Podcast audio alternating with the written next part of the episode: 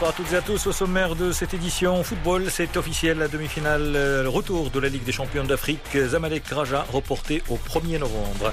La presse espagnole tire à boulet rouge sur l'entraîneur et les joueurs du Real Madrid après la défaite à domicile hier en Ligue des champions. Et puis tennis, Novak Djokovic n'est pas sûr d'aller à Melbourne pour le premier majeur de l'année en raison de la quarantaine de deux semaines imposée aux voyageurs.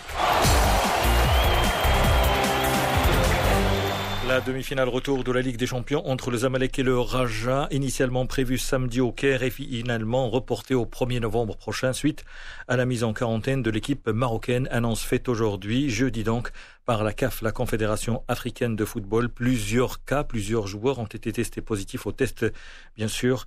De plus, les autorités marocaines ont annulé l'autorisation spéciale de déplacement accordée au Raja et la mise en confinement du club pendant une semaine jusqu'au 27 octobre, date de réalisation d'un nouveau test PCR. Le Zamalek, pour rappel, avait gagné la première manche à Casablanca sur le score d'un but à zéro. L'autre demi-finale entre le Wydad et Al-Ahli aura bien lieu demain vendredi. Ça sera au Caire. La formation égyptienne avait gagné la première manche 2 à 0. La finale de la Ligue des Champions reste prévue le 6 novembre, conclut la Confédération africaine de football.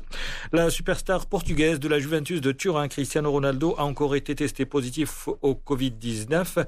Le joueur portugais de 35 ans a obtenu un nouveau test positif après celui annoncé le 13 octobre. L'attaquant vedette, qui ne présente pas de symptômes, vit à l'isolement dans son domicile turinois, d'où il diffuse sur les réseaux sociaux des images le montrant en train de se maintenir en forme. Selon la presse, ce test positif ne menace pas la présence de Cristiano Ronaldo pour le sommet en Ligue des Champions la semaine dernière avec ce match entre la Juventus et le Barça et les retrouvailles entre Cristiano Ronaldo et Lionel Messi. Ronaldo a laissé le Real Madrid, son ancienne équipe, sans buteur. Le Real souffre malgré le titre de champion remporté la saison dernière. Eh bien, le secteur offensif ne donne pas satisfaction et quand on ne marque pas, on finit par encaisser et parfois par perdre. Les deux dernières sorties du Real n'ont pas été concluantes. Elles ont même été euh, inquiétantes. Défaite face à Cadiz en championnat et contre Shakhtar hier en Ligue des Champions. La presse a été très critique, des mots durs à l'encontre des joueurs et surtout l'entraîneur Zidane qui assume ces deux revers. Zinedine Zidane. C'est vrai qu'on commence pas bien le match dans l'intensité et on prend, un but rapidement. Donc ce but, c'est vrai qu'il nous fait très mal, surtout pour avoir euh, certainement euh, confiance et rentrer dans un, match après avoir perdu, mais après avoir perdu en, Ligue. Donc, donc voilà, c'est un deuxième match, c'est un deuxième constat qui est compliqué, mais en même temps, c'est le football. Il faut essayer de, se dire que qu'il y a des moments compliqués, comme on a toujours eu de toute façon dans le passé et il va falloir relever la tête et se dire qu'on a besoin d'être ensemble et de se dire qu'on a un match déjà samedi et le préparer avec euh, avec la maximum concentration qu'on doit avoir et faire un gros match parce qu'on est capable de le faire. Frédéric Hermel a interrogé Zindine Zidane. Fred était avec nous tout à l'heure dans l'émission El Vestiaire et avait parlé, bien entendu, de possibles départs de Zidane la semaine prochaine en cas de revers face au Barça en Liga. Ce sera samedi prochain et également lors de la prochaine sortie, une contre-performance en Ligue des Champions face au Borussia Mönchengladbach. Le Real Madrid joue face au Barça. Ça sera samedi euh, prochain.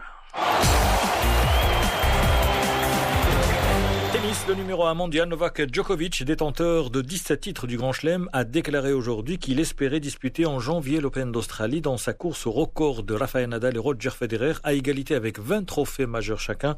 Le joueur serbe de 33 ans a déclaré à la presse qu'il n'était pas sûr de la date de son arrivée à Melbourne en raison de la quarantaine de deux semaines appliquée aux voyageurs arrivant en Australie à cause du coronavirus.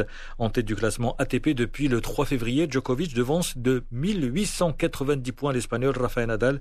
Avant la fin de l'année, Djokovic doit disputer aussi le Masters de Londres qui réunit en novembre les huit meilleurs joueurs de la saison. Il ira à Melbourne si, bien, entendu, il estime qu'il faut y aller parce que, eh bien, c'est le tenant du titre et il risque de perdre la première place mondiale. C'est la fin de cette édition. Merci de votre fidélité. Excellent début de soirée à l'écoute de Média.